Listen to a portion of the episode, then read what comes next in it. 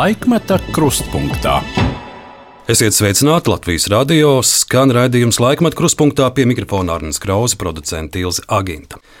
Bērns ir vislabākais katalizators par to, vai kinofilma ir izdevusies vai ne, pateicoties patiesumam, ar kuru bērns raugās pasaulē. Tāreiz ir teicis kino un teātris režisors Vārs Brasla. Viņa filmās īpašu patiesumu rada tieši mazo varoņu iesaiste, un viņš ir radījis arī mūsu izcilākās bērnu filmas Emīļa Nedarbi, Ziemassvētku Jampadrats, Sūdens bumba resnajam runcim, vectēvs, kurš bīstamāks par datoru. Un Vara Braslas režisora acis ir fiksējusi manu emocionālāko latviešu kino filmu Ezera sonāti. To esmu noskatījies neskaitāmas reizes, un no maziem gadiem tā man palīdzēja iepazīt Regīnas ezers izcilo prózu, Imants Kalniņa īpašo mūziku, mūsu aktierus, un jo īpaši Astrīdu Kairišu. Ezera sonāti ir mans latviešu kino etalons. Es, es jau sen vēlējos klātienē satikt cilvēku, kurš ar savu kino valodu ir veidojis manu labāko priekšstatu par latviešu kino, kurš mani bērnībā ir smīdinājis ar Emīļu jokiem, un kurš man vienmēr ir licies ļoti līdzīgs Raimondam Paulam, ar iespaidu par savu stingro raksturu, ar vizuālo līdzību un pat balss tembru tādu pašu kā maistro. Es saku, labdien, režisoram, var, režisoram Barim Braslam, sveicināti! Labdien! Par to Raimondu Pauli ir tā, ka šoruden sagaidot aktieru Ulu Dumpi apaļo jubileju šeit. Šeit pat studijā mums bija mazs ieraksts, un bija Uldis un Girts Jakovļevs un arī Meistro. Un kaut kā pirms tā ieraksta katrs runāja, kam viņš ir līdzīgs. Un tad maistro teica, jūs zināt, nu man te dažreiz saka, man jau tā liekas, ka es tam braslam tāds līdzīgs esmu. Jums kāds ir šāda līdzība, norādījis maistro. Kaut jā, kas tur ir jums. Jā, tikai es labāk klavieru spēlēju. Redziet, humors arī jums līdzīgs. Nē, tāds, ja drīkst vien maz epizodu izdzīves. Cēsīs bija kaut kāda pilsētas svētka vas, vasarā, un atklātā estrāde, un tur eh, paukštello arī mm -hmm. kaut ko daru skatos. Un uh, remonts ir pie klavieriem. Tāda gaļina spēlē galveno lomu vienā manā filmā, tad no Maskavas. Un viņi bija kaut kā nokļuvusi cēsīs, kaut kā nejauši, ja? Un ir kaut kāda maza pauzīte, un viņi gājas klāt pie, pie Raima Paula, un Здравствуй, Vāris! un dabīgi, ka Pauls bija mazliet apjucis. Tā kā kaut kas tur ir tāds, tāds, tāds mistisks, bet, bet, bet eh, tas tā varētu būt. Nu, lūk, tuvojas eh, svētku laiks un svētku dienas, un tajās uh, ieras televīzijā tiek rādīts arī jūsu filmas. Tagad jau daži arī restaurēti ar kādām krāsu korekcijām un citiem mūsdienu uzlabojumiem, bet, bet uh, tas, kas tajās pati, paliek nemainīgs, tas ir šis patiesums filmās, vai arī jūs mēdzat uh, savus filmas televīzijā reiz no reizes atkal no jauna pārskatīt? Parētam noteikti, jā, parētam noteikti. Bet, nu, Kuras ir tās, ar kurām jūs to satikšanos, atkal satikšanos, jo, jo īpaši gaidat? Es speciāli negaidu godu vārds, jo ir tiešām nu, tā, tagad ir tas, tas vairāks tie nosaukumi, kas tiek ļoti bieži, nu, sevišķi Jāmpadarts un Emīls, jā, tie ir tā, ka jau, jau tiešām uz Jāņiem un Ziemassvētkiem 4-5 reizes pa dažādiem kanāliem. Bet par rētumu tā, jā, iemet acis kāds ir. Galvenais jau kā ļoti nodrillēja, kad bija telefona bandas, ja, un, mm -hmm. un, un tā kvalitāte, ar vienu sliktāku paliek. Un, ko es nu, nu, no vecām rādīju, tas ir vājprāts, kā krāsas ir izgaisušas un tā. Un tas ir, manuprāt, ir, nu, noziegums ir ļoti skaļi teikts, bet vajadzētu ļoti atjaunot tās filmas, jo tā ir vislabākā vēsture. Jo to dokumentālisti teikuši, ka tāds laikmeta dokuments vislabāk parādās aktieru filmās. To dokumentālisti man teica.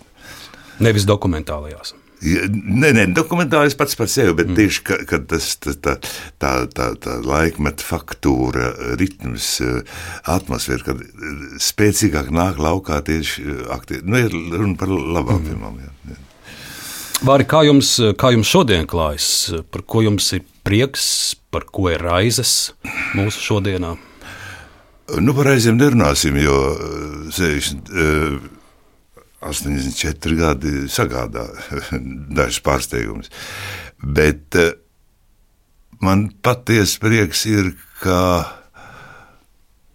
nu, piemēram, Valmierā, ja es uh, pagrūti man to nabu saiti bija pārgriezt ar teātri.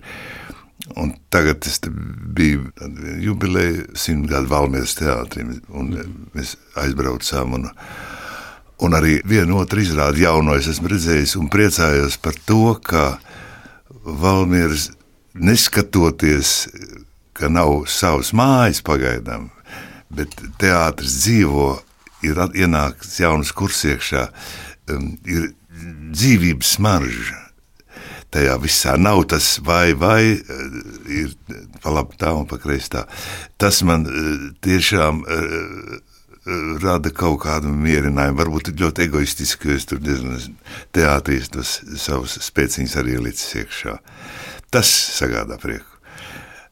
Kā process notiek, un jaunie ir lielākā daļa ļoti sakarīgi cilvēki.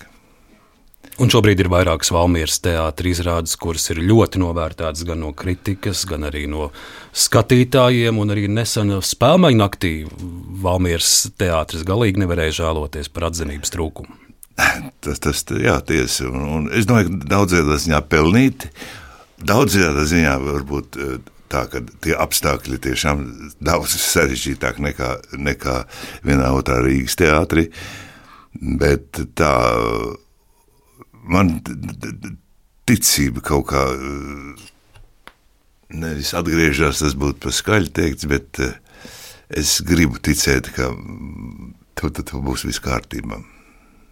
Par teātri jūs jau minējāt, šodienas kino vai arī tam sekojat, kas ir tāds pēdējais, ko esat redzējis, novērtējis?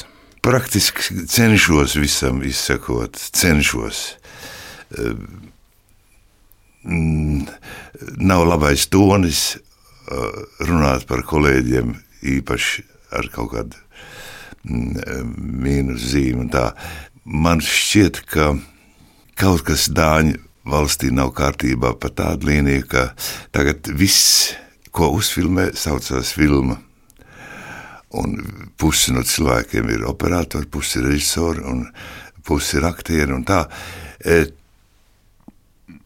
tāda privāta iniciatīva, kad es filmēju jūs, jūs mani, un mēs abi to nosaucam par, nezinu, ko, divi šūpolēs. Ja. Tā ir viena lieta. To var rādīt mājās, kādās. Bet uz ekrāna ir tik daudz, nāk, manuprāt, garīgais brāķis. Tas ir sāpīgi. Bet ir arī daudz brīnišķīgas lietas, kas ir uz ekrāna, arī aktieru ķinītī. Kā tādi nepatīkamie brīži. Nu, mēs pirms ieraksta runājām par dažām latviešu filmām. Jūs minējāt, ka dvēseli putekļs ir tā, kas jūs emocionāli ir uzrunājusi. Šai sakarā ir, nav labais tonis par kolēģiem runāt, vairāk publiski, ja, bet, un to es negribu darīt. Tas nav nekādas tiesības. Bet viens, ko te, to es citēju kā Bībeli, kad bija Kroderam 90 gadu jubileja, un viņš no Nacionālā teātra skatuves teica pēdējā, pēdējā, pēdējā frāzē, viņš teica, mīļie draugi, neaizmirsīsim, ka mēs esam latviešu teātris. Uh, tas daudz lielā mērā attiecas uz skatuvi un tikpat lielā mērā pret ekrānu. Tas nenozīmē, ka vajag spēlēt, ja, ja filmēt tikai Laumanu, Jaunu Strubiņu vai tā. Tas to nenozīmē, bet tas, jo es nevaru atbildēt sev uz jautājumu, kādēļ simtiem un simtiem cilvēku. Es saprotu naudu, bet simtiem un cilvēku, simtiem cilvēku pacēla cepurus un aizbrauc. Es to nevaru atbildēt jautājumu, es to nesaprotu. Uh, un man liekas, viss spēks vajadzētu salikt iekšā, lai mēs nebūtu tik mazi. Var, cik aktīvi jūs sakojat uh, politikai, arī visiem lielajiem pasaules sat satricinājumiem, Kā jūs tos izjūtat šobrīd? Brīžam kā tāda fantasmagorija, kad, kad neticami, ka tā tas var notikt. Neticami, ka var no otras puses. Protams, ka tas, tas ir. Um, tas man liekas, ka viss skar. Visu skar apzināti, neapzināti.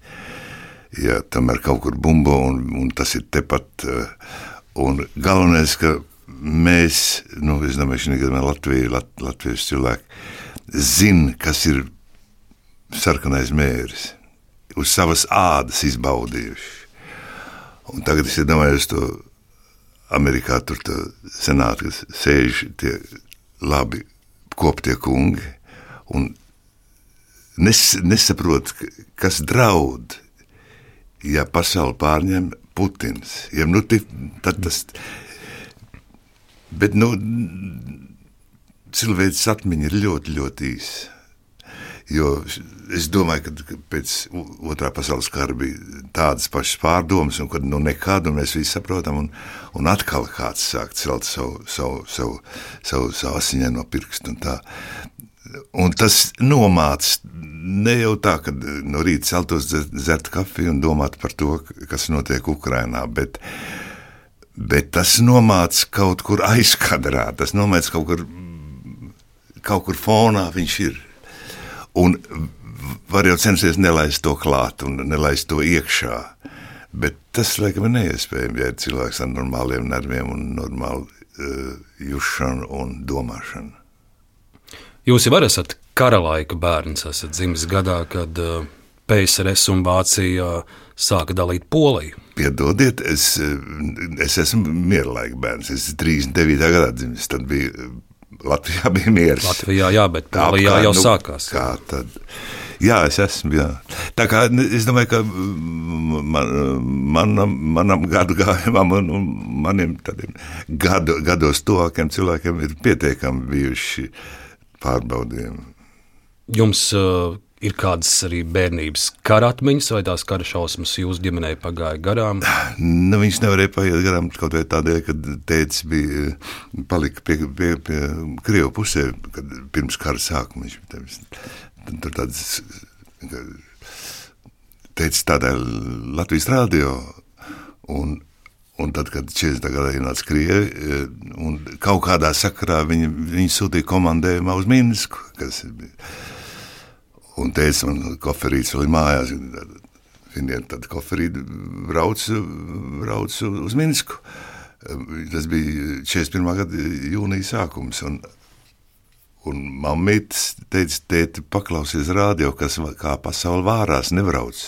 Viņš ne, kas, kas tad, kas tad? Izkāpjot Minskas vilcienu nu, stacijā, kā nolika koferītu uz zemes, uz, uz, uz, uz perona, tā krita pirmās vācu bumbas, un tēti nogriez nost. No, no, no, ne, nu, nebija vairs iespējams atgriezties Latvijā. Un viņš atgriezās tikai pēc, pēc tad, kad Krievija ienāca, ienāca Rīgā. Uh, tā kā tur man ir tāds, kā jau bērnam ir ne, sižetiski nesaistītas, bet tādas pilktas ainiņas ir noteikti. Sižetiski nesaistītas gan to, kā kā, kā, kā, kā, kā, kā, kā bija, kad viens otrs vācietis teiksim, sas, tika sastapts parkā. Vai, arī mūsu dzīvoklī tur viens, vienlaikus dzīvoja viens virsnieks. Un, un, un, un kā uzvedās teiksim, sarkanie, kad nāca iekšā, tad, tad es biju laukos, kur aizsūtīts. Un, pirmie tie, tie, tie sodu bataljoni, kas bija tie briesmīgākie slepkavi. Tā kā e, ir, bet e, tas bija tā apaudzis, mazliet tāda sūnu, bet tagad tas tik, nu, pilnīgi neticam, ka tie ir dokumentāli kadri, ko tu skaties, neticami. Tajos sižetos no Ukrainas jā, šobrīd. Jā, tagad kas ir. Var jūs pieminējāt savu tēti, Žani Braslu, bet līdz 39. gadam zināmu kā Žani Bredovski. Par šo uzvārdu maiņu mēs jau runāsim, bet par jūsu tēvu saistību ar Latvijas radio, ar Latvijas radiofonu es palūkojos 20. Eh, gadu beigas, 30. gadu radioprogrammas, toreiz tā saucās Halo Latvija. Jā. Un gandrīz katrā ir minēts jūsu tēta vārds. Te tikai piemēram es atvēru 1936. gada Halo Latvija. Un radioprogrammā lasām, ka pulksten 21.15. Latvijas radiofonā skanēs raidluga pēc Viļa Lesiņa noveles Vecais blēdis. Darbojošās personas - vecais gāršnieks Žanis Bredovskis. Un tālāk ir vēl, vēl citu aktieru uzskaitījums. Viņš, es redzu, ir bijis arī režisors, bet ļoti daudz eh, šajos dzīvajos lasījumos, toreiz jau tāds ieraksts iespējas nebija, ir šeit pie Latvijas radio mikrofona lasījis Raidluks. To, gan, to lai gan radio nebija šeit doma laukumā, bet uh, tur, kur ir radio iela tagad. Bet jums ir mājās kāda, kāda šī radioprogramma vēl ar tā vārdu saglabājusies. Ieraksti jau diez vai laikam. Man ir tāda maza, maza paciņa mantojumā no, no, no mammas māsas vīra. Uh, uh, liepainieki, tad Halo Latvijā. Uh, Un jā, teica, tur uzvārds ļoti daudz arī kā režisors strādāja ar bērniem. Viņam bija tāds ansamblīts, pat fotografija, un tad, viņš, viņš kopā ar bērniem ar tādu mikrofonu. Ierakstu gan laikam nav saglabājušies. Es Man šeit bija rādījos. vie- viena plate, Ah. man bija viena plate, uh, tāda be- bez jebkāda uzraksta. Mm, Nu, vecā skaņa, se- 78 apgrieziena jau tāda, kur bija ierakstīts tāds, es nezinu, tur nav nekāda uzvārda, nekas minēts, eh, tāda, tā, tā, kā tāda svētku s- rotaļu spēle, kur ir dziesmas, dzējas un tā, kur man ir arī mana tēva balss, viņš iedzied kaut viņam bija ļoti pat, patīkama balss tāda, iedzied tādu mazu fragmentiņu. To plati man mammīt bija, eh, nu, kā, kā, kā savu bērnu eh, visu kādu laiku saglabājusi. Un es viņu arī biju saglabājis, un tad es uztaisīju kaut kur kopiju. Varbūt man patreiz viņa ir mistiski tā plati pazudusi. Bet tas bija tas vienīgais, kas man ir reāli, kur bija gabaliņš ar tēva balsi. No šodienas sarunas jums uh, paliks uh, vēl kādas tādas piemiņas lietas no, no jūsu tēva un jūsu mammas. Es arhīvā atradu jūsu tēta Umaņa laika pasi ar, ar viņa bildi un pirkstu nospiedumiem. Lūdzu, vari tas, tas ir jūsu tēvs Žanis. Nu, kā tad? Un šeit vari būs arī jūsu dzimšanas fakts uh, piefiksēts, jūsu dzimšanas apliecība. Dzimis 39. gada 25. aprīlī Rīgā, un, un te ir Varis Bredovskis. Jūs esat dzimis kā Varis Bredovskis. Jā, mamma teica, tas bija bez, bez desmit minūtēm, desmitos no rīta. Te būs arī jūsu mammas dzimšanas kristība ieraksts 1908. gadā Liepājā Annas baznīcā. Jūsu mamma ir dzimusi kā Valī Olga Vilhelmīna Švāgere, un viņas vecāki ir Anšs un Ženija, un Ženijas uh, Jūsu vecās mātes meitas uzvārds ir Zorge. Viņa nāk no ēdolas puses. Nu, lūk, tā, jā, aiku skaisti. Jā, to, to man atceros mamītes stāstu, ka viņa, kad mazs kuķis bijis, tā teikt, nav īsti tagad, tad dziedājis, kad prasa, kā tevi sauc? Bērniņi, Valli Olga Vilhelmine Fāgel, viss vis būtu no, nodziedājis to švāģeri, jā. jā. Un tev arī ir tas interesants dokuments no Latvijas Nacionālā arhīva. Uz divām lapām parakstījis iekšlietu ministra vietnieks, un tas ir 40. gada 30. marts, tā kā burtiski pāris mēneši pirms Latvijas okupācijas. un Tas ir dokuments par to, ka jūsu tēvs un mamma mm, ir iesnieguši iesniegumu par uzvārda maiņu no Bredovskis, Bradovskis. Viņa lūdz mainīt uzvārdu uz Brasla.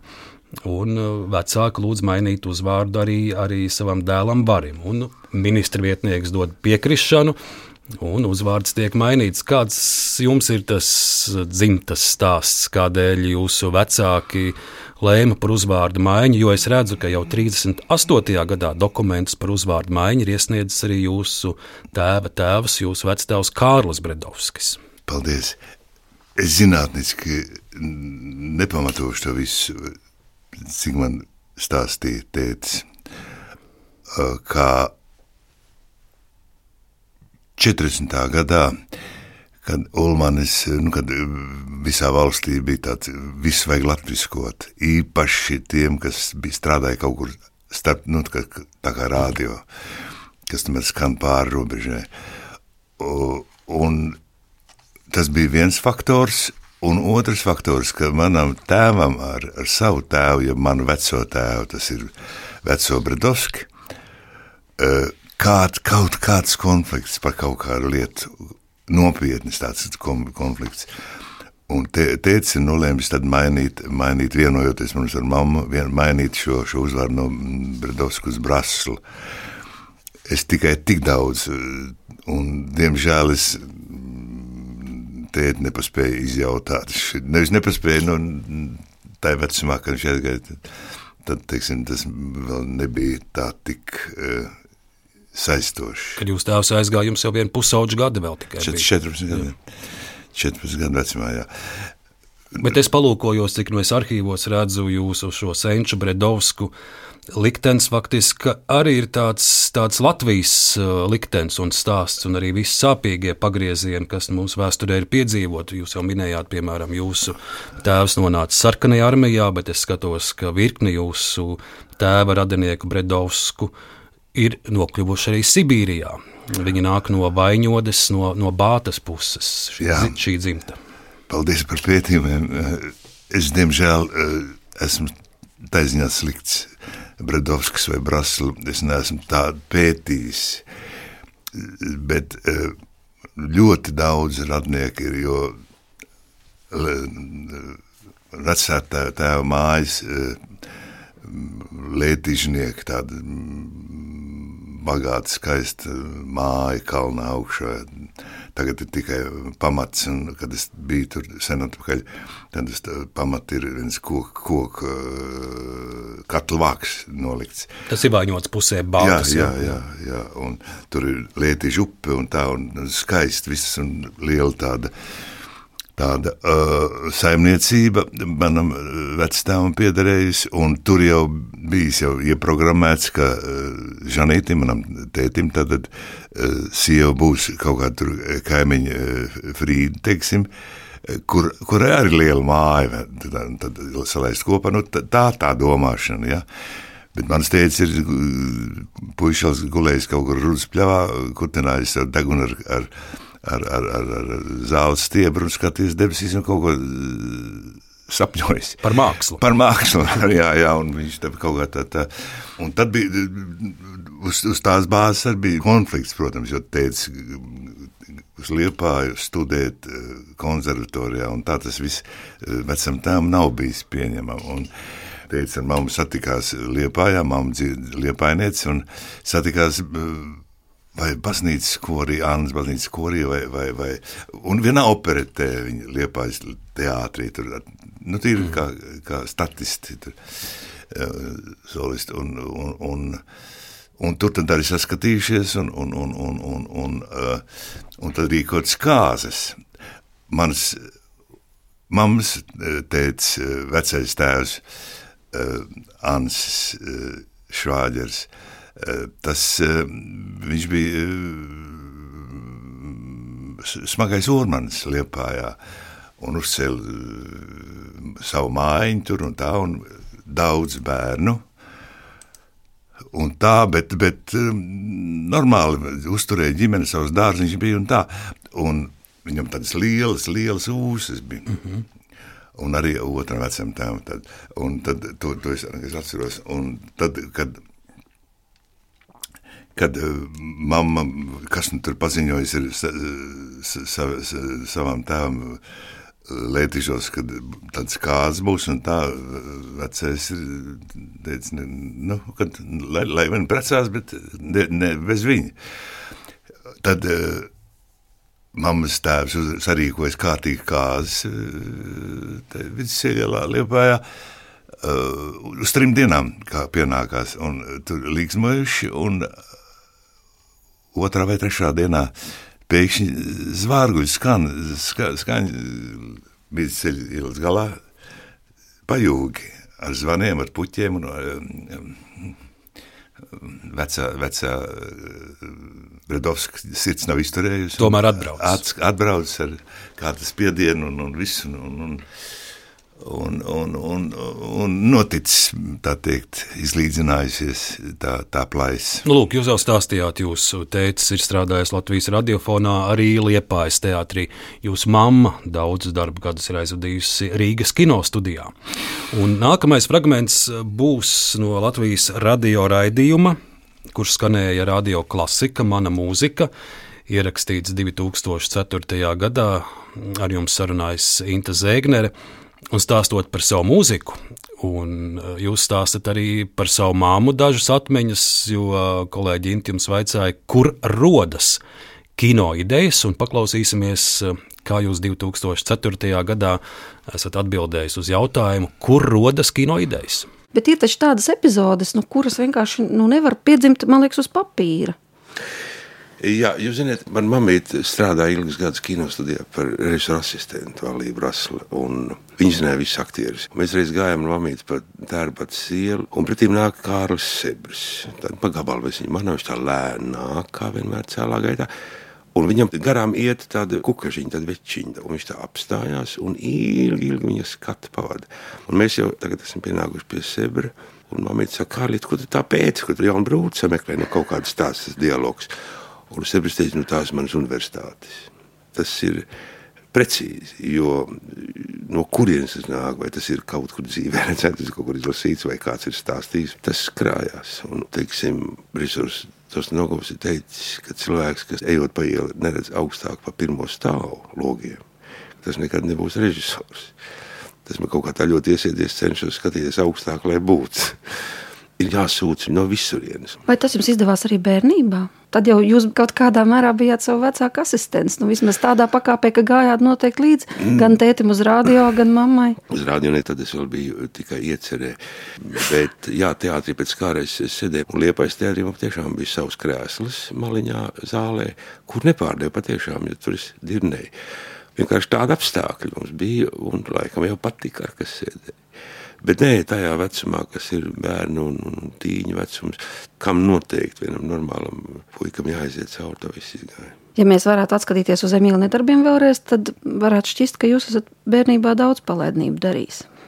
Nu, Kurienes jums būtu tāds nu, idejas? Es neteikšu, ka daudz, ne, tur neteikšu, ka daudz, bet nu, kur nu bet smalkas. Tām? Nē, redziet, te ir pats galvenais, manuprāt, kāpēc arī cilvēki copē to Emīlu. Jo nevienu lietu viņš nedara bez mērķa izdarīt labu. Un tas iznāk pēc tam ziepes, tā ir cita lieta. Es arī es atceros, ka gaidot mammīti, es gribēju viņu iepriecēt, tad šķiet viņš būdams. Ja, gribēju uzmazgāt grīdu. Es, protams, to darīju savu prātu. Es izlēju spāņu ūdens uz grīdas un sāku tādu lupat slaucīt. Kā rezultātā tas ūdens aiztecēja līdz pirmam stāvam. Un tur bija liels klapats, bet mamma man pat ar ļaunu skatu nepastījās, jo viņa saprata man labo gribu. 2004. gads, un lūk, arī viens, viens stāsts eh, par eh, vara nedarbu, nu kas nu tas par nedarbu, bet arī, arī šāda epizode par, par eh, labo gribu izmazgāt grīdu un palīdzēt mammai. Par tām kino idejām šeit tika vaicāts. Jūs šobrīd kino nefilmējat, bet vai joprojām ikdienā ir kas acu priekšā, un jums liekas, nu šeit būtu labs ķinītis sanākt? Tas, tas, tas ir tāds psihisks novirzi, novirzi, bet tā tas notiek. Tā tas notiek. Man ļoti žēl viena nerealizēta lieta, da, daļai pašu mums tāda neuzņēmības dēļ. Es ļoti gribēju uh, uh, uztaisīt cīņu par, par, par Evaldu Pakulu, par to um, kā bolševiku laikā, kā viņi sauc par bendi un fašistu to zem, mežbrāli, kas, kas, kas, kas, kas tūkstu, vairāk tūkstoši pu, puišus no, no kurzemes katla ieved mežā, un, un viņi tur cīnījās ilgus gadus, un es nejauši ar, ar viņu sas, saskrējos un iepazinos, un, un tā, un bija ļoti skaisti materiāli, tīri viņš stāstīja visus tos briesmīgos notikumus, viņš stāstīja ar tādu humoru izjūtu, ar tādu mm, e, vieglumu, ar tādu, ka nu, tieši tādā žanrā, tādā stilistikā uztaisīt kaut kādas briesmu lietas. Jūs jautājat par mm. Ukrainu. Ja? Protams, tur ir traģēdija, traģēdijas galā un tā, bet, bet to varētu pagriezt arī nevis Misters Pitkins ienaidnieku aizmugurē, bet nu, tas tā mandās pa galvu. Bet nu, viss nevar paspēt šajā dzīvē. Varbūt tagad parunāsim par jūsu pašiem pirmajiem radošajiem soļiem. Un, un tur es palūkoju periodiku, cik es manu. Uh, 1961. gads ir tas, kad pirmo reizi presē parādās Vara Braslas vārds. Tā ir publikācija 61. gada 28. decembrī laikrakstā Liesma, kurš tika izdots un joprojām ir Valmierā. Un šī raksta autors ir kāds dēķēns, kas ir lauktehnikas rajona nodaļas inženieris, un viņš apraksta savus iespaidus ko viņš ir redzējis Leona Paeglas Valmīras drāmas teātrī, un viņš ir bijis uz uh, Miļuna Lūgas kājas pavada iestudējumu. Un temas citāts. Pāris labu vārdu jāveltī režijai. Varis Brasls sadarbībā ar Pēteru Lūcu darījuši ļoti daudz, lai sagatavotu noslīpētu izrādi. Mizanscēnas izstrādātas nevainojami, labi gaismas efekti, interesanti veidota siluetu spēle nu, lūk, vari pati pirmā publikas recenzija par jūsu pašu pirmo darbu ir pozitīva. Jā, nu tas ir jaunekļa, jaunekļa smadzenēs, tas ir liels notikums, kad tu pirmo reizi redzi savu vārdu un uzvārdu drukātā veidā.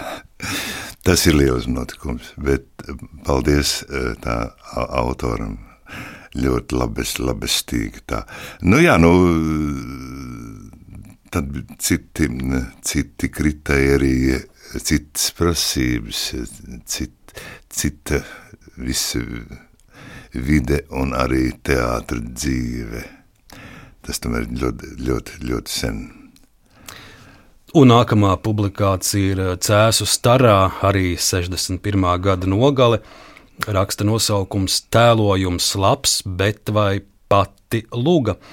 Arī ir stāsts par kājas pavada, un te arī mazs citāts.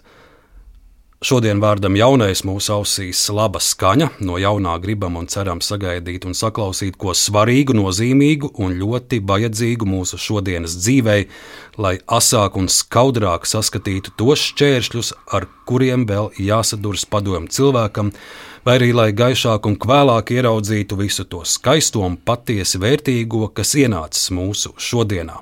Arī šoreiz teātris uzticējis vēl gluži jaunajam, kā gados tā mākslas pieredzē, tikko Ļeņingradas teātra fakultāti beigušajam Varim Braslam atbildīgo režijas darbu. Kā Vars Brasla veids šo uzdevumu? Teikt apmierinoši būtu par maz, teikt teicami būtu par daudz, tā tad labi arī, arī šāds vērtējums, un tas jau ir no, no, no cēsu avīzes, cēsu stars. Ļoti mīļi, paldies.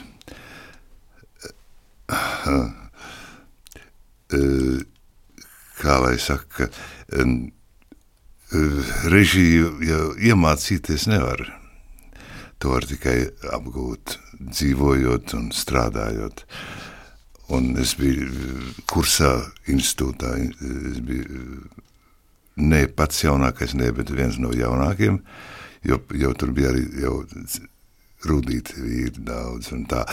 Un bija Valmieras teātrī tajā laikā, Lūdzu, Pēters bija galvenais, viņi bija ar mani tēti kopā strādājuši Jālgavas teātrī vairākus gadus, un, un, un Lūdzu pret mani nu, nu, nu, ļoti, ļoti kā, kā, kā pret tādu ma, mazdēlu izturējās, un tā Protams, ka tas ir ļoti tālu no lielās mākslas, kas tur notika man, no manas puses. Ja. Bet nu, pārbaudījums ļoti nopietns. Un, un, un, jo, Es zinu, ka pirmais mēģinājums, kad pie galda līdzīgi tā kā mēs sēžam tikai vēl mhm. garāk, un, tad, uh, un sēž tie aktieri, un tāds ak Jānis Čikulis aktieris, ko es biju redzējis tēta režijā Jālgavas teātrī, kad viņš spēlēja ar Mercis kopā eh, skapēna nedarbs un brīnišķīgs aktieris. Tāds, viņš, viņš bija tur tāds vecais zvejnieks, tajā lugā, ko es tur studēju. Un, un, un, un nu, ko es viņam varu ko es viņam varu teikt? Jā, man liekas, ka, un, nu, tomēr no Leņķagradas lielpilsētas, no tā, tie, tādām, tādiem tur, it kā moderniem vējiem, es esmu ieradies vienā, vienā mazā pilsētiņā. Bet tie kompleksi jāpārvar. Un, un tāpēc ir tāds viens, ko teātrī viss ļoti labi smējās, kad tas tāds tikai ķikulim, viņu sauc par ķiku. Jānim. Un kaut ko tur es viņam stāstu. Tagad nu, pārtrauc mēģinājumu, ja stāstu kaut ko par caurvīju darbu, virs uzdevumiem un, un sarkano. Un tā, tā. Viņš tā ļoti uzmanīgs. Tad skaļāk režisori. Es tie, viss mans, mans teorētiskais uzstādījums ir tāds skaļāk režisori. Ja? Nu, tā, tā, tā tas, tas, tas, Bet jūs tas, pieminējāt Pēteru Lūcu, un viņam ir arī svarīga loma, jo es saprotu, ka beidzot Ļeņģeradā institūtu nebūtu nebija tā, ka jums Rīgā te visas durvis bija vaļā un, un tās darba iespējas bija salīdzinoši pieticīgas, un, un, un Pēters Lūdzu bija tas, kas jauno režisoru savā paspārnē paņēma. Jūs ļoti mm, smalkjūtīgi un, un, un maigi izteicāties. Bolševika laikā bija Latvijā bija stabils, tik un tik režisori pienākās štat vietas katrā teātrī. Nav lieku vietu. Mm. Uh, Un tajā laikā uh, kultūras ministrijas teātris daļas vadītājs bija Pastenaks, uh, Jāzeps, Lidijas Freimans, vīrs. Un ļoti gaišs un pretīm nākošs cilvēks, kas, būdams kultūras ministrs, viņš nevarēja neko izdarīt. Jo Valmjerā ir seši iestudējumi gadā, katram režisoram pa diviem iestudējumiem un, un pusastē. Tas pats liepā, tas pats visur. Ar Nikolai Mūrnieku mans tēvs bija pazīstams Liepājas teātris, galvenā režisora Nikolai Mūrnieku. Mūrnieks mani aicināja uz Liepāju, bet viņš piedāvāja par izrāžu vadītāju strādāt. Ja. Kas nav gluži režisors. Tas nav gluži režisors, un es jau savā prātā, ja nu, Viņš saka, nu pēc tam jau tad, un pēc tam noteikti būtu noticis, bet tajā brīdī jau liekas, dodiet man atbalstu punktu, es pacelšu pasauli. Jā. Un kino studijā nebija iespēja vai? Nē, tad, tad par kino studiju tā neinteresējos, bet tad nācoties uztaisīt divas izrādes, to diplomu izrādu un pirms diplomu un diplomu izrādu Valmierā, pat paldies Lūcim. Un pēc tam trīs gadus biju Valmīras teātrī štatā, bet kā asistents pie Lūča un tā, un es uzsēju divas patstāvīgas izrādes. Un, nu, tāds, zināms, strupceļš bija, un, un, un tad caur nejaušību, un, un, un, un, un, un es pazinu tur kinostudijas direktoru vietnieku vienu tā, un viņš teica, nu nāc uz kinostudiju. Un tad es sāku ar kā asistents kinostudijā.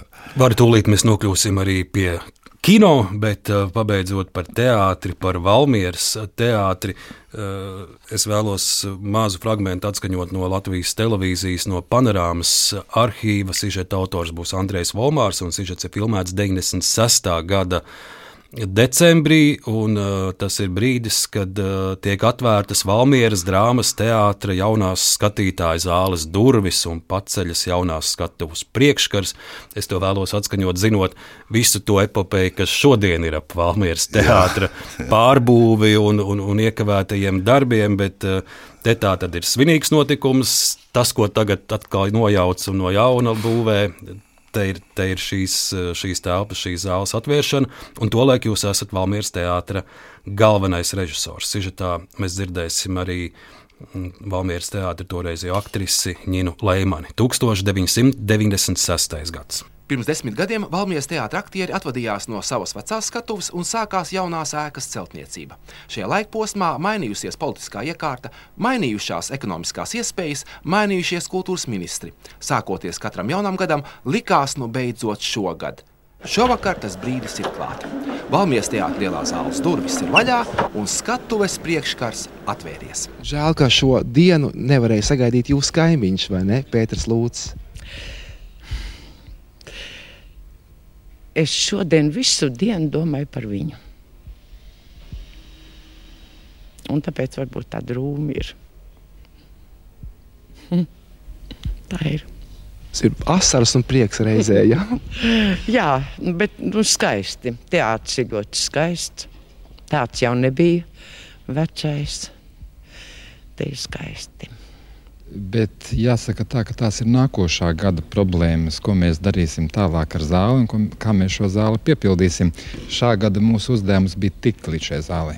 Jauna skatītāju zāle, jauna skatuve, kādi jauni uzvedumi būs. Tagad ir Rīga atjaunotā trīs izrādes un ne vairāk. Janvārī mēs šeit trīs teikt, vecās izrādes spēlēsim šīs skatuves pamazām. Un februārī ceram izlaidīsim pirmo jauno izrādi uz jaunās skatuves, kas būs tapusi šeit, uz šīs skatuves. Tā būs Jēkabjana šefs, kā Varkaļa pagasts skolotājs manā režijā. Pašlaik uz jaunās skatuves rīt Deglava romāna Rīga dramatizējuma iestudējums. Visu teātrā ēku pilnībā paredzēts uzcelt nākamgad, lai tā būtu Andrejs Valmārs panorāma.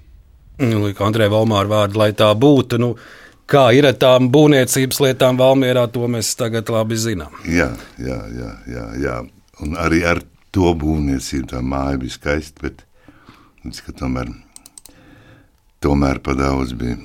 Bet nu, no teātra pie kino, pie jūsu kino darbiem. Jūs jau sākāt runāt par to, kā jūs nonācāt Rīgas kinostudijā. Kādi, kas bija tas tie, tie pirmie darbi vai darbiņi, ko jums kā jaunajam uzticēja? Tā tad es pazinu kinostudijas direktoru vietnieku, Kinsleru Hariju, un viņš teica, arī nāc uz studiju, darbs būs.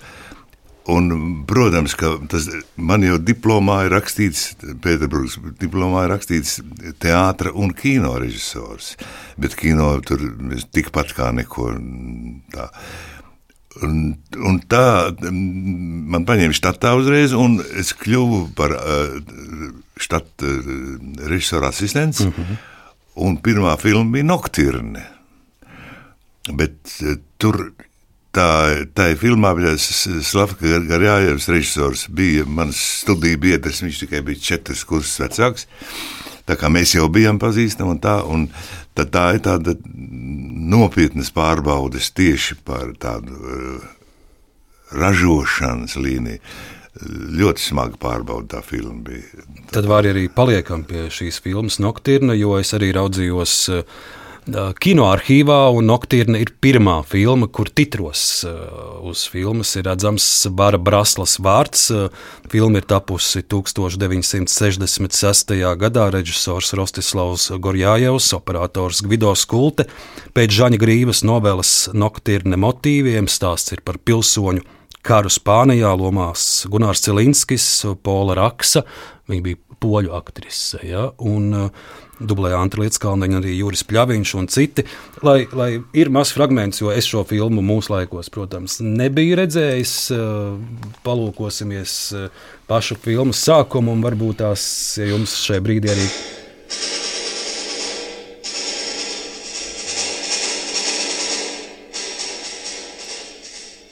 Ja ir kādas arī atmiņas no tās tapšanas, kas, kas jums nāk prātā šodien.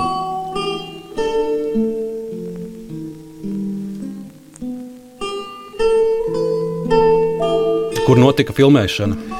Filmēšana notika uh, Latvijā, uh, Armēnijā, uh, Ķēniņšana kalnos, Maskavā daži kadri. Tā plaši. Un tiem laikiem bija liels atvēziens. Filma ir tāda, ko varētu rādīt arī šajos laikos, vai tur tas ideoloģiskais nospiedums ir diezgan pamatīgs? Nu, ir pamatīgs, ir, protams, ir pamatīgs. Pie tam filmas eh, es vienkārši vienaldzīgi nevaru to skatīties, tāpēc, ka tur aiz katras stūra ir piedzīvojums, bet, mm, bet, eh, bet no, ja, no tāda izziņas viedokļa, teiksim, to varēšana, grīdiņas skulta, kamera, kamera visu, kā, kā, nu, kas, kas kaut cik par kino interesēs, tas noteikti ir jābūt interesanti, es domāju. Aiz katras stūra piedzīvojums, nu, nu kaut vienu no šīs noktīrnes. Nu, tur tūkstot. Pirmkārt, tur bija tā, ka grupa bija pamatā uzņemšanas grupa bija, e, kas cilvēki vai pirmo reizi strādā, vai nu, jauni, kas maz ko zina, bet ļoti grib labi strādāt. bez tā entuziasma, kas bija tur ielikts iekšā, to filmu nevarēja uztaisīt. Ja nebūtu tas entuziasms, kā mēs tur eh, negulēdam strādājam, gan kalnos, gan viss. Mm, Slavka, nu, garējais jauns cilvēks, Gvido Skulda, brīnišķīgs operators, jauns eh, skaņa, nu, jauni cilvēki, visi un arī grupa. Un tur mēs ko, nu, visu, ko darījām, tad mēķina parādes, darījām savu tiešo darbu ar aktieriem un tā eh, gājām kadrā. Nu, nu, tur es tiešām esmu katrs tur pa piedzīvojumiem. Pirmo reizi Latvijas, Latvijas vēsturē ir ārzemju aktrise. Mm -hmm. Tas ir varbūt tā, un, un, un, un, un, un Pola Rakse. Ja? Pola Rakse, jā. Mm -hmm. Un pēc tam bija sācināta uzmanība. Žāns Grīva jau bija atzīts ideoloģiski kā rakstnieks, bet tas, tas materiāls viņam. Tas, Vēsturiskais materiāls viņam bija gana, bet man liekas, tā, to māksliniecisko pusi, tīri literatūra, tur daudz kas būtu, būtu, varēja būt labāk. Bet tā bija pamatīga skola. Pamatīga skola. Un pēc tam man tulīt, tad, jā, Par to, kas sako pēc tam, varbūt labojiet mani, ja, ja es neesmu precīzi, bet cik es skatos arhīvu datos, 1971. gadā top pirmais jūsu pilnīgi pilnībā pašrežisētais darbs, un tā ir filma Salātiņš. Filma ir ieskaņota, cik es raugos, krievu valodā, un diemžēl arhīvā nav šajos laikos digitalizēta. Un, un, un es viņu nevarēju šodien jums nospēlēt, un arī klausītājiem, skatītājiem, bet es saprotu, ka filma ir veidota pēc Viktora Laksdeņa stāsta pārbaudījums motīviem. Tas ir stāsts Pārbaude, par pārbaudēju. Tas ir stāsts par vidusskolniekiem, kurus pastaigājoties pa liepājas molu, pārsteidz vētra lomās Andrijs Krembergs, Ēriks Kalniņš, Miervalds Ozoliņš, Andris Breže, Kārlis Sebris un citi. Ko jūs par salātiņu pastāstīt man, kurš, kurš neko nezina par filmu, un daudz citu droši vien arī. Tur bija tā, ka es izgāju cauri vairākas filmas kā asistents. Nu, gribēju pašam kaut ko darīt, un es Kā, bet tad jau ar studijas direktoru saruna ir tāda. E, e, Direktori, e, es gribētu filmu taisīt. Vai tu proti? Es saku, nu, es nezinu, nevar, nevar, man pārbaudīt. Un tas ab, aburtais lokus, jā. Mm -hmm. Vai tu proti un, un, un netiec klāt. Tagad jau tāda saruna nebūtu, ja būtu saruna tāda studijas direktora. Es teiktu, es gribu direktoru filmu taisīt. Viņš neprasīja to, vai tu proti. Tev nauda ir? Jā, nu, ma mauc. Um, ļoti sarežģīti bija tikt pie patstāvīgas filmas. Un tad, un tad bija tāds Mas Maskavas, Maskavas pie Mosfilma, laikam, bija tāds, tāds kombinēts seans, kur bija uh, maziem bērniņiem filma, uh, vidēja paudze un, un, un jauniešiem, tādi trīs. Uh -huh bija speciāls nosaukums tad, nu, žurnā, nu, tam, tam, tam, tam blokam. Un, tā. Un tad, tad es dabūju tik pie, pie, pie šī pirmā darba, kas bija, viņas saucās pārbaude, Viktors Lagdiņš autors un uzrakstījis nu, normālu stāstu par puišeļiem uz liepais mola, bet pirmai filmai pārbaudījums ļoti nopietns, jo pirmkārt grūtākais materiāls, lai strādātu, ir tie pusauģi, puikas un vesels bars. Un otrs, kad liepāja uh, un mūls un vētra un, nu, vesela virkni tādi iesācējiem ļoti liels pārbaudījums. Bet, nu, tur iepazinos ar, jau labāk ar operatoriem un tā tālāk. Un, un, ļoti labu muziku uzrakstīja Grīmblats un tā tālāk. Un tad jau tad jau tā, tā, bet nu, vienalga tas nebija pierādījums, ka man var uzticēt uh, lielu naudu. Nu, tad, tad, es, tad bija nākošais, jo tas desmit, desmit filmas, esmu par, kā otrais operātors, otrais režisors strādājis ar daudziem kolēģiem. Un viens no tiem ir Gunārs Celinskis, un te mēs nokļūstam pie 1976. gada un manas filmu, filmas Ezera sonāte, Pirms mēs runājam par ezeru sonātu, arī vari, lai mums skan uh, fonā tāds mazs fragments ir dokumentēts un arhīvā saglabājušās uh, aktieru proves no, Ah. no ezera sonātes. un Pavisam neliels ieskats palūkosim. vai. Jā.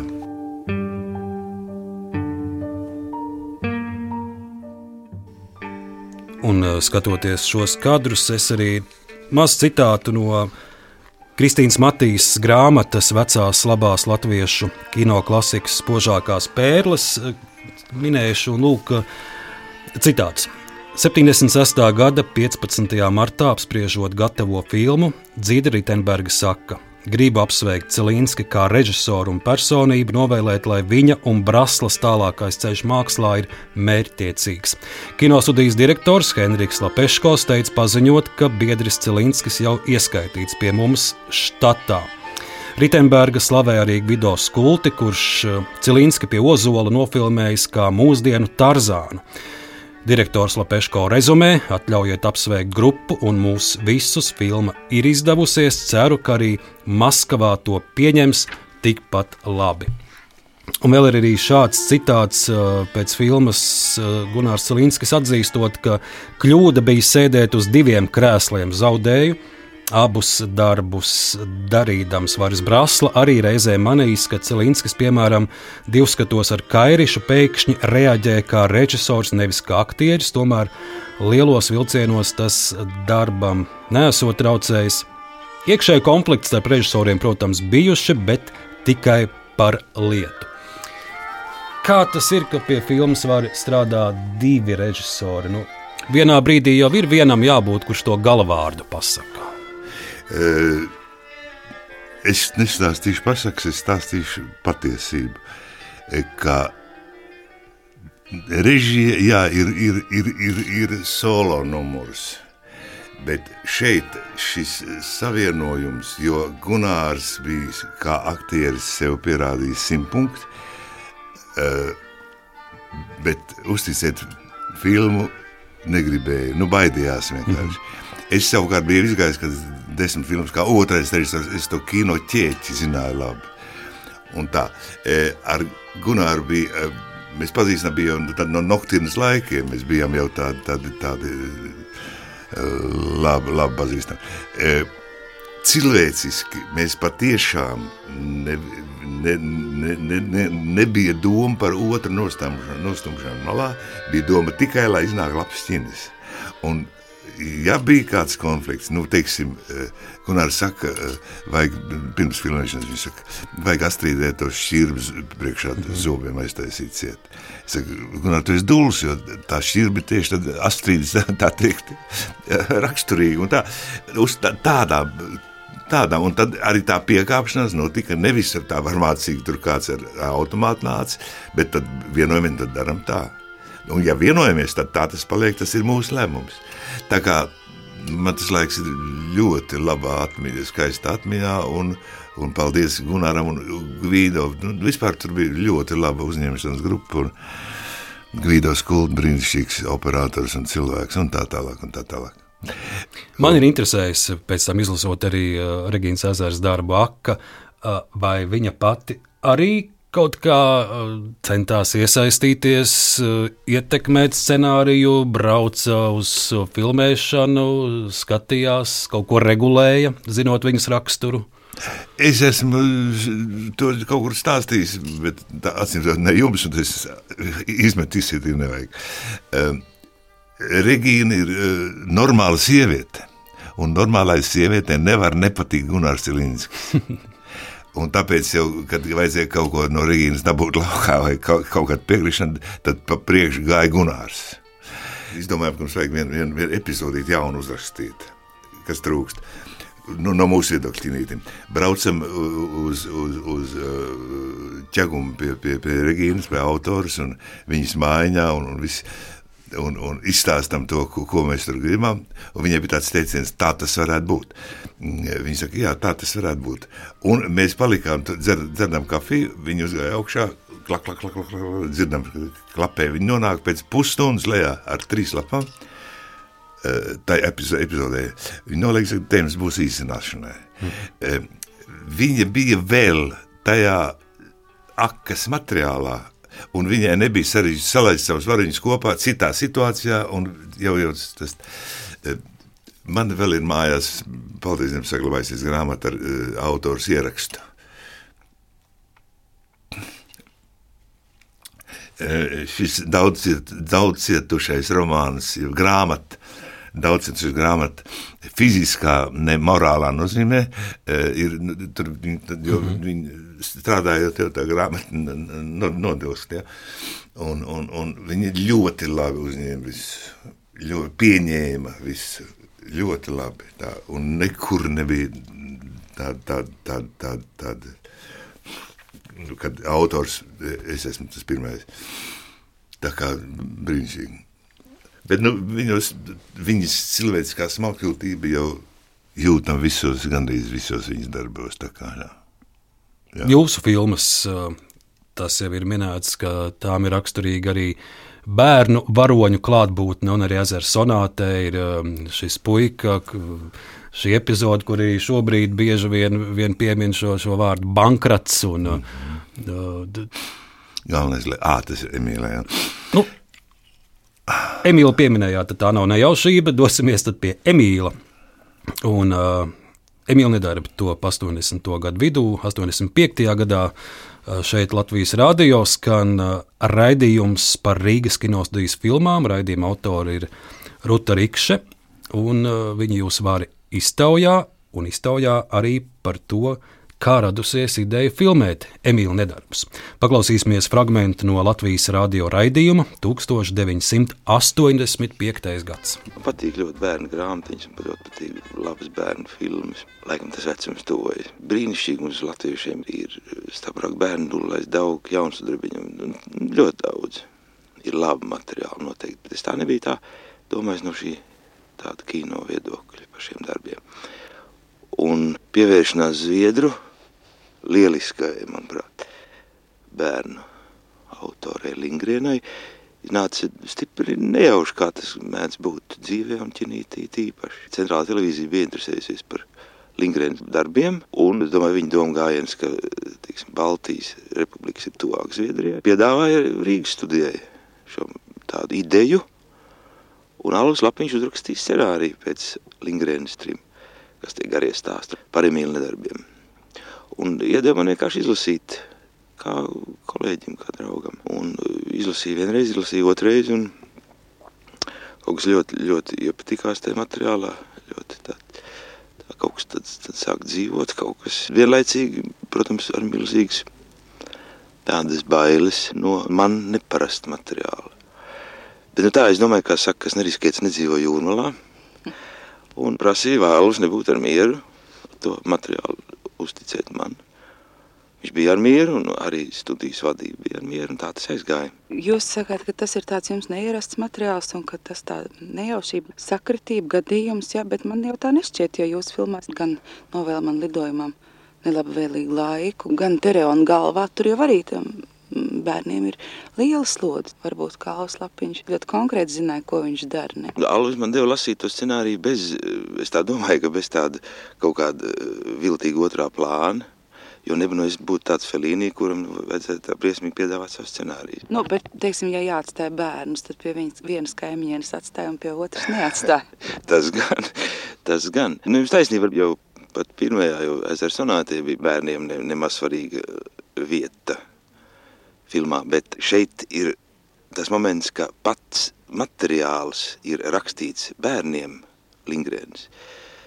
Tāpat to ir rakstījis Alvis Lapiņš. Viņš ir domājis tieši precīzai auditorijai, bērniem, bērnu auditorijai. Un tas ir apmēram kaut kur sākot no otrās, trešās klasītes, tādiem no Emīla vienaudžiem un mazliet vecākiem. Un ja bērniem, es domāju, noteikti ir jābūt kādam pozitīvam lādiņam, labai gribai kaut ko bērniem pateikt tad tas ir jādara tā, lai viņiem būtu interesanti un lai tas nebūtu savs didaktiski. Ko ar Emīlu nedarbiem jūs labu gribējāt pateikt?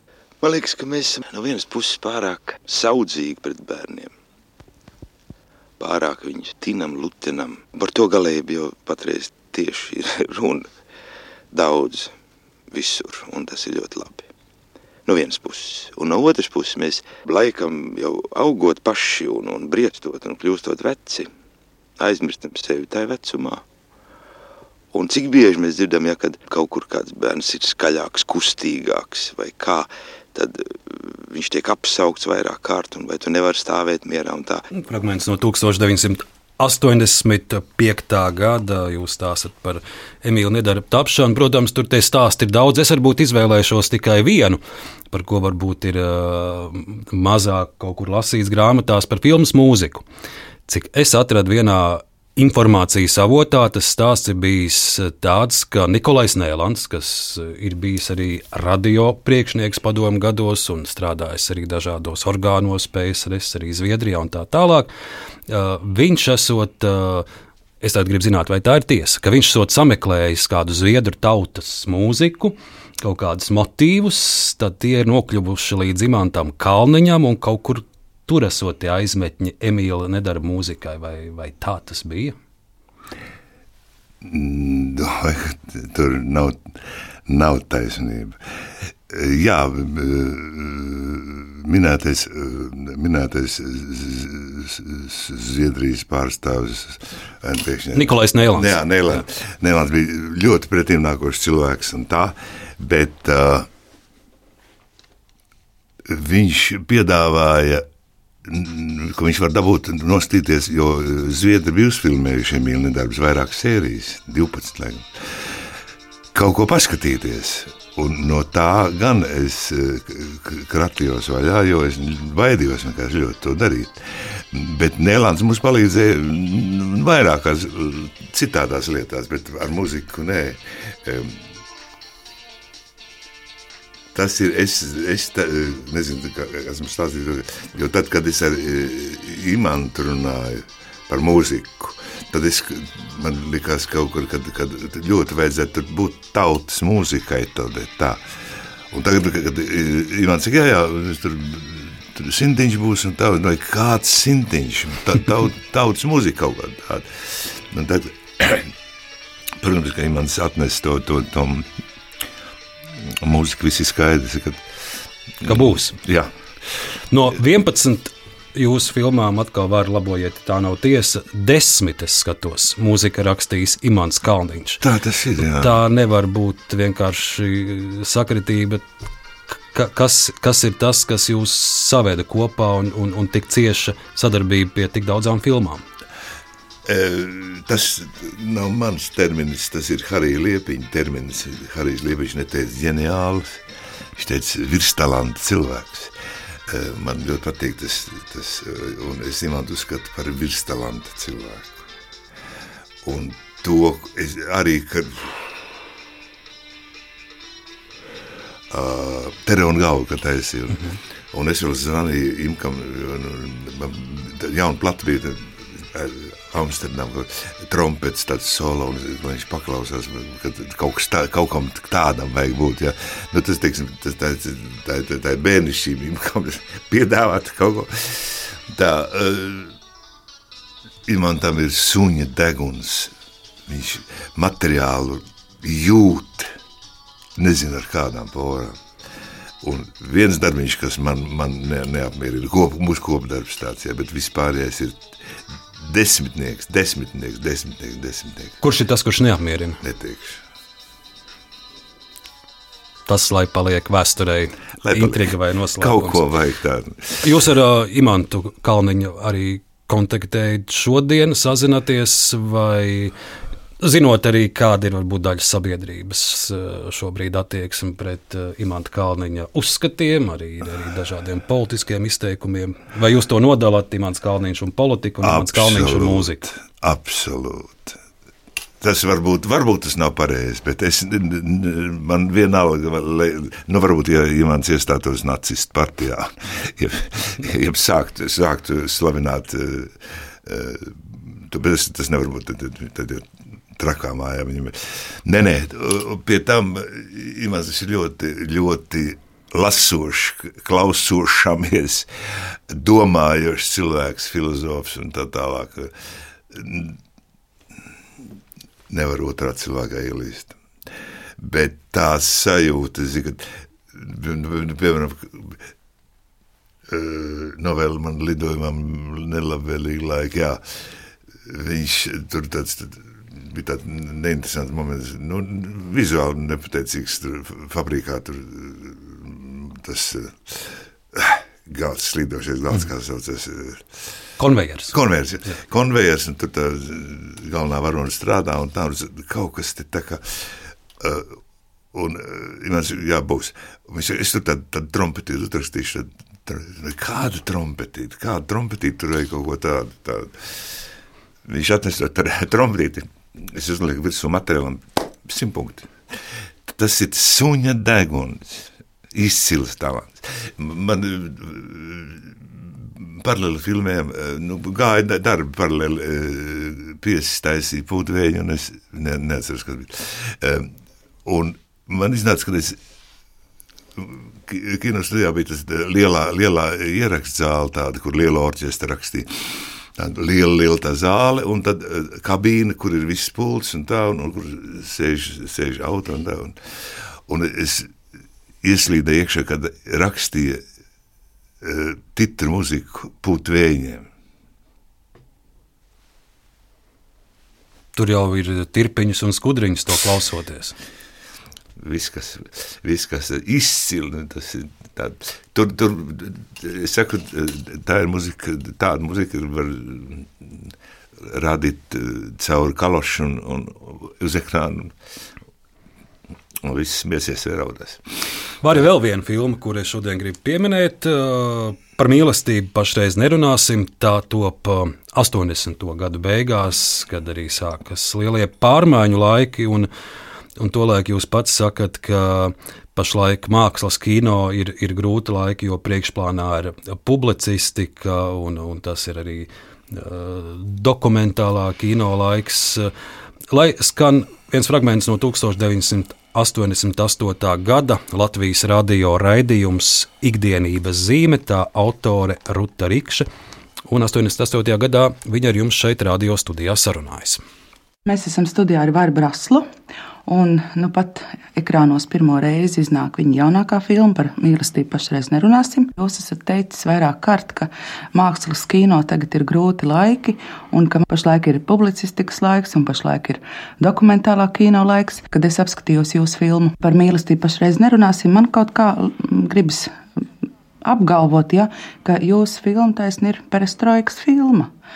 Un kādēļ? Tādēļ, ka kas ir skatījušies kino, ja mēs atceramies poļu filmas, ungāru filmas, kur režisori pēta savu dzīves telpu, ja tā tad mūsu dzīve, mūsu iekārtu, tad jūsu filmas arī, mums šī pēdējā, ļoti konkrēti paņem mūsu šodienas dzīves modeli ja, un skatās, kā tad mēs dzīvojam. Un taisni tādā filozofiskā plāksnē visu, visu to paceļ, nevis tikai tāds atsevišķas negācijas vai liriski pārspriedumi. Tagad sāksim varbūt ar pavisam tādu konkrētu lietu kā ar darbu. Jūsu filmā arī ir darbs. Cilvēks strādā, strādā tādā ražošanas uzņēmumā, fotons. Kā jūs uzskatāt, cik šis viņa darbs ir morāls, teiksim, cik tas ir viņiem vajadzīgs un cik savukārt tas, ko viņi ražo, jā, ir vajadzīgs cilvēkam? Mēs nekur nevaram aizmukt no Un nevajag to darīt no filmas pirmā vota. Tas ir Kolberga romāna automobīlī rītpusē, jo šis darbs eh, kaut kur zemapziņā visu laiku pastāvēja strādājot. Kaut arī no šī romāna ir ļoti mazs maz gabaliņš, jā, maz, maz, maz blociņš. Un, ja jūs atceraties, romānā ir viss tā lielā fotona mafijas viss tā mašinērija, kā viņi tur ražo diezgan daudz brāķu un kā to brāķi realizē un kā no tā cilvēka norakstot to iegūst e, pamatīgas summas. E, tā puse man mazāk interesē. Man interesē šī gadījumā tieši tas šajā mašinērijā tā mazā skrūvīta Brigita. Kāpēc viņi apzināti ieiet šajā mafijas mašinērijā. Nav mums filmā nav skaidrots, eh, ko Brigita ir beigusi, kāda viņas profesija, bet nu, var nojaust, ka viņa acīm redzot kaut ekonomiste, kaut kāda speciālā vidējā izglītība vai kā. Jebkurā gadījumā viņa aiziet strādāt uz tādu fotonu ar mērķi iegūt vairāk naudas, lai paglābtu savu ģimeni. 1988. gads. Ruta Rikšē, tolaik jūsu filmu raksturo kā perestroikas filmu. Jūs ar to tā ierāmētu šī filma par mīlestību. Pašreiz nerunāsim. Nu, jebkurā gadījumā ne sekundi man eh, strādājot pie tā darba un pa, izvēloties to Kolberga darbu, eh, nebija doma par perestroiku. Eh, bet tieši to, tas, ka mēs visi, es domāju, lielākā daļa, kas strādāja, visi tajā laikā domā, to, to kaut, kaut šī sistēma ātrāk sagrūtu. Līdz ar to, līdz ar to katrs, kat, katrs žests, tas, tam ir jābūt uzmanīgam, jo, ja būs tas žests pa enerģisku, pa augstu, pa skaidru, par, uh, būs pa nagiem vai vispār nestrādās. Jā, un atkal otrs galēji ir, kad uzvelc ar sarkano karogu jebkurā tornī. Uh, man vienmēr un pamatā arī uz skatuves ir interesējusi tieši cilvēka, ja vēlties vīriešu sievietes attiecības, un tad vispārējais. Un tā apkārtne, vai tas būtu darbs, vai tas būtu um, atpūta, vai tas būtu uh, ceļojums, vai kas. Nekur jau neaizmuks tās cilvēku attiecības ir jebkurā situācijā. Arī tagad mūsu attiecības. Tas man interesē. Un gribas, lai, lai, lai būtu godprāts, lai valdītu godprāts, lai būtu kaut kāda tāda. Mm, tā kā Bet nu, Ruta Rikša, žurnāliste, saskatīja tur, un, un nekas nav, nav, nav pretrunā, un nekas nav aizvainojoši. Jā, perestroika bija. Tas ir arī tajā laikā, kad tas Gorbijs nāca ar savu programmu, cerības lika daudz. Ļoti daudz lika cerības. Tā, bet Andris jau ar to, Kolbergs, es domāju, jau bija izcils Viņš, viņš gāja cauri, un viņa tirāža bija tūkstoši, tūkstoši. Jo krimināls, tas ir krimināls, tas, tas ir interesanti. Tas ir interesants arī Brežņevam skatīties. Ja? Krimināls, bet kas tur apakšā?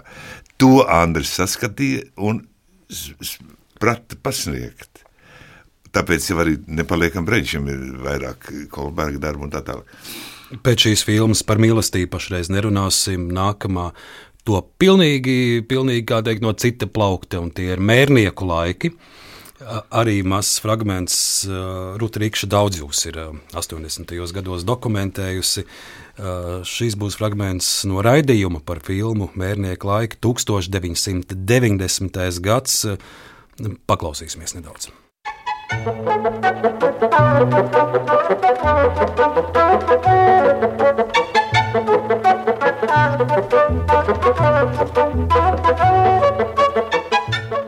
Vai jūs esat bijuši tajās vietās, par kurām brāļa kaudzīts rakstīja mērnieku laikos? Kā tur tagad izskatās? Tām oriģināla vietā man šķiet, ka vajadzētu padancināt, šķīvīt un izsaukt rēņu vai matīs gārus un aprunāties, kuras mājas, ko viņi ir precīzi domājuši. Jo tomēr pēc piebalgas pusē vecāku ļaužu stāsti, kas ir skaisti un brīnišķīgi. Un tā noteikti ir klāta ar savu fantāzijas, ar savus izdomus devu. Jā, noteikti. Tādēļ arī es saku, man ir rādīti trīs cietumi, kur it kā ir ķēdes spundēts iekšā, un katrs no tiem cilvēkiem apgalvojas, ka tieši te un ne citur. Tad mēs esam bijuši oļiņa gaitiņā. Tur viss tā situācija. Ļoti ticam, ka tas tā varētu būt, kad, kad tur ir tie prototipi un tās mājas ir tie oļņiem gaitiņiem. Filmēt tur nevar, tāpēc tas ir nobrucis līdz līdz, līdz, līdz sāpīgumam, jā, sabrucis vienkārši. Jo, mm, tur nav tā mājās, nu, jau ir iekšā tāds nu, nolaistība, vecums, pūgums. Nav tā vitalitāte, kas tajos laikos bija, tad viss tā saimniecība sāka briest, kad tas bija jauns, kad viss pēc svaigiem sveķiem smaržojam. Tas pats ir prātnieku mājas, mēs esam redzējuši, jā, it kā prātnieku mājas, tur tagad vispār ir ir kaut kādi traktori izdangāti un, un mūri sacelti. Un, un, un briesmīgi tas izskatās. Un par Inešu mūžu, kur ir tur, mēs tā tur tā staigājam ar operatoru Alvi Mengotu un ar mākslinieku Rozenbergu un tā fantazējam, kā tas būtu, ja tur būtu viss tā, kā tas bija. Ja, kad būtu parks un nebūtu riepas izmētāts un nebūtu kaut kādas piebūves un tā tālāk. Tad tur būtu ideāli, tur mēs varētu strādāt kā Holivudā. Tur, jo turpat ir mūža, turpat ir tas pagrabs galā, turpat ir pagastnams netālu, turpat būtu parks, turpat būtu staļi, turpat būtu viss, viss. viss. Būtu ideāli, bet tas nav iespējams. E, jāteic gan, ka Inešos tur e, to parku pamazām sāk atjaunot, tur kaut ko piemūrēt, tur kaut ko patīrīt. Bet darbs tur vēl ir ļoti daudz. Jo 50 gadus mēs esam cūkojuši, tad to vienā gadā nevar savākt. Visu. 1990. gads var, nu, te es varu vienīgi piebilst, ka kā mana lauku puse ir piebalgas pusē, te es varu tagad teikt, ka, ka Inešu centrs un arī šī mūža un parks ir, ir sakārtoti un tur ir, tur ir prieks staigāt un, un tagad gan tur varētu ģinīti taisīt. Prieks dzirdēt, prieks dzirdēt, prieks dzirdēt. Par mērnieku laikiem vēl kas ir piebilstams tāds no tā, ko to laikam? Uh, man iekšēji, un arī Alvim Lapiņam, scenārija autoram, iekšēji ir, nav īsti skaidrība, kur ir mūsu kļūda, ne kļūda, kaut kāda neprecizitāte, un kur atmoda ar visu savu milzīgo spēku vareno sagrozīja to, tos pamatus, mūsu pamatus. Jo principā eh, daudzas lietas, kas ir brāļiem Kaudzītēm, un daudzi teksti, kas ir brāļiem Kaudzītēm, eh, izskanēja ļoti, skanēja ļoti mm, progresīvi un uh, apstiprinoši par Latviju un tā tā. Jo tas laiks ārpus kinoteātra laiks bija visu laiku satraucošs. Pirmizrāde notika, producents bija uh, uh, Beķeris Vilnis, kas bija Leļa teātra direktors ilgas gadus. Un viņš norganizēja, kad pirmizrāde notika jaunajā Dailas teātrī, lielajā zālē. Uh, Mm, bija pat speciāli izbūvēts eh, mērnieku eh, laiku alus. Tāds, tād. Un bija viss, kas bija, viss, kas bija darīts, lai būtu. Un notiek seans, iet seans un sāk iet ārā no zāles cilvēki masveidā. Un nu, apjukums, kas notiek, izrādās, ka tas bija brīdis, kad, kad, kad sauc kopā visu vis, uh, saimu. Mm. Tur bija nu, kad, augstākā padome. Tas jā, jā, notika. augstākā padome. Mm -hmm. kad, kad, kad, nu, kad liktenīgi, nu, kad sāk, sākās viss tas, tas, tas lieliski, kad tiešām tas kino uh, nevarēja izskanēt, tad tas bija pakārtoti. Svarīgāk, kas notika aiz loga. Un tas atstāja lielu, um, tādā jocīgā laikā trāpījās tā filma. Tur ir, da, filmā ir daudz, kas arī ļoti labs un, un, un, un aktieru darbu un tā tālāk. Bet, Pēters Petersons man ir palicis prātā arī. Nu, runas ir vienkārši, tā teikt, varētu domāt, ka, ja būtu laika sakrista, varētu domāt, ka brāļi Kaudzīts pietukrustu rakstījuši kā prototypu Petersona. Tas vienkārši trāpījums beigās. Bet, nē, nu, manuprāt, Jānis Rēnis, kas mums, mums ir eh, pietuks, eh, atkal aktieriski brīnišķīgs. Nu, Vari strauji dodamies priekšu, es šodien raidījumā gribu pagūt nospēlēt vēl vienu fragmentu. Tā ir jūsu satikšanās ar, ar vienu cilvēku, ar jūsu dzīvē svarīga satikšanās, es domāju, tikšanās ar Gunāru Janovski 90. Jā. gadu sākumā. Un, Un eh, šeit būs dokumentēts ar viens fragments 1994. gads eh, tikšanās ar Gunāru Janovski Valmieras teātrī. Paklausīsimies! Kā tu domā, teiksim, tev tomēr ir zināms salīdzinājums ir tāds uh, par sieviešu līniju. Es domāju, tā latviešu sievietes, angļu sievietes, vācu sievietes. Kas tev viņās uh, katrā atsevišķi tīk un uh, uz ko tev uh, sliecas prāts? Un sirds. Man reiz jau tāds jautājums, kādreiz ir ticis uzstādīts.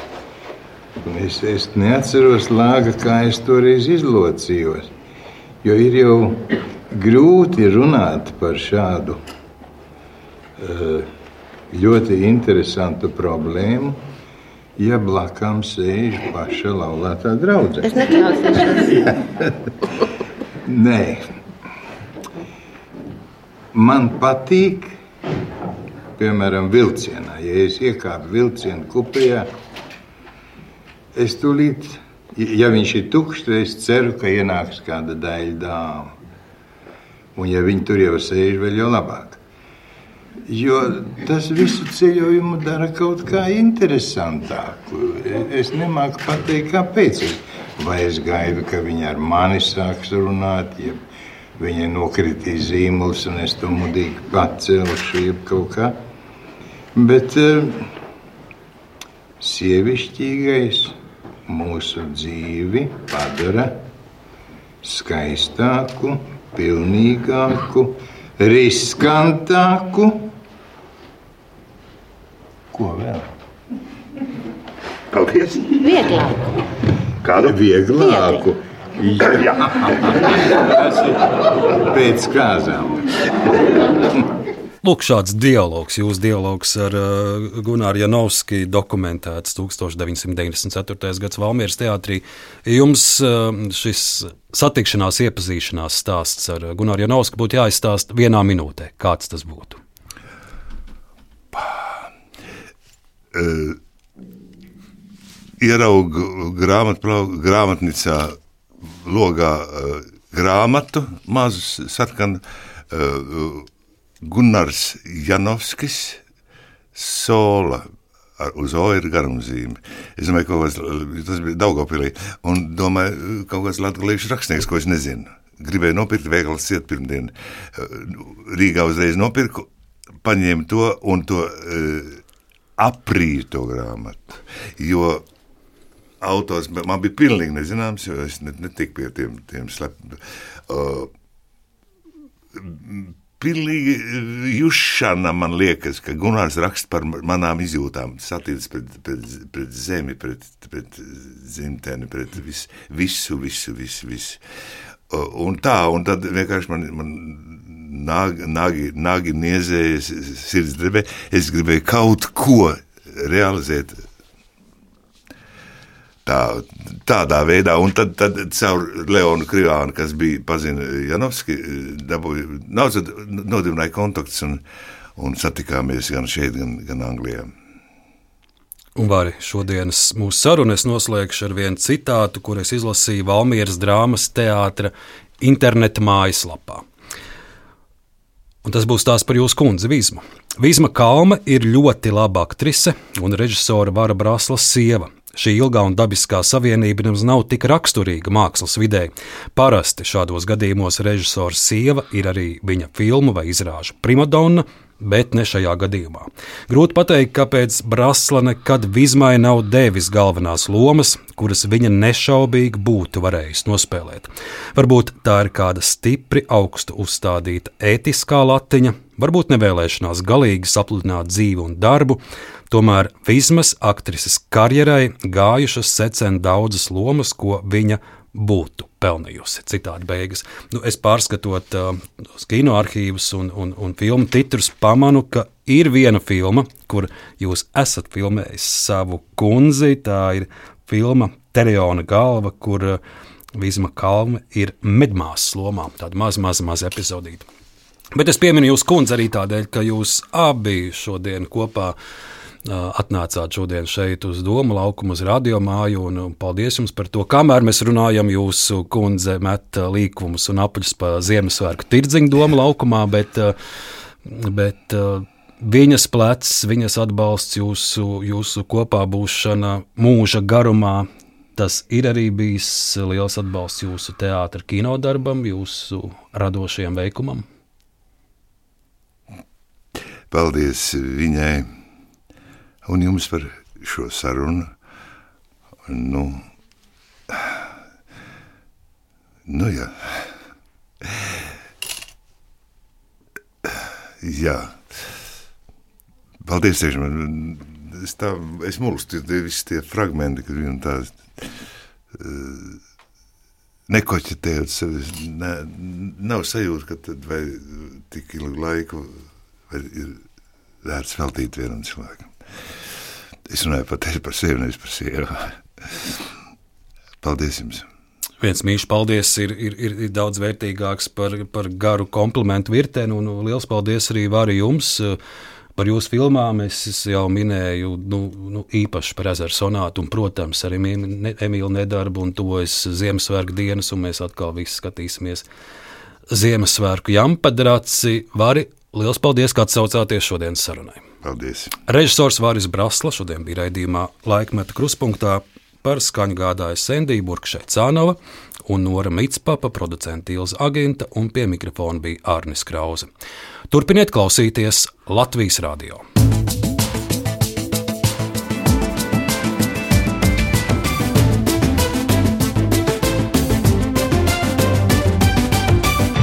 Laikmeta krustpunktā.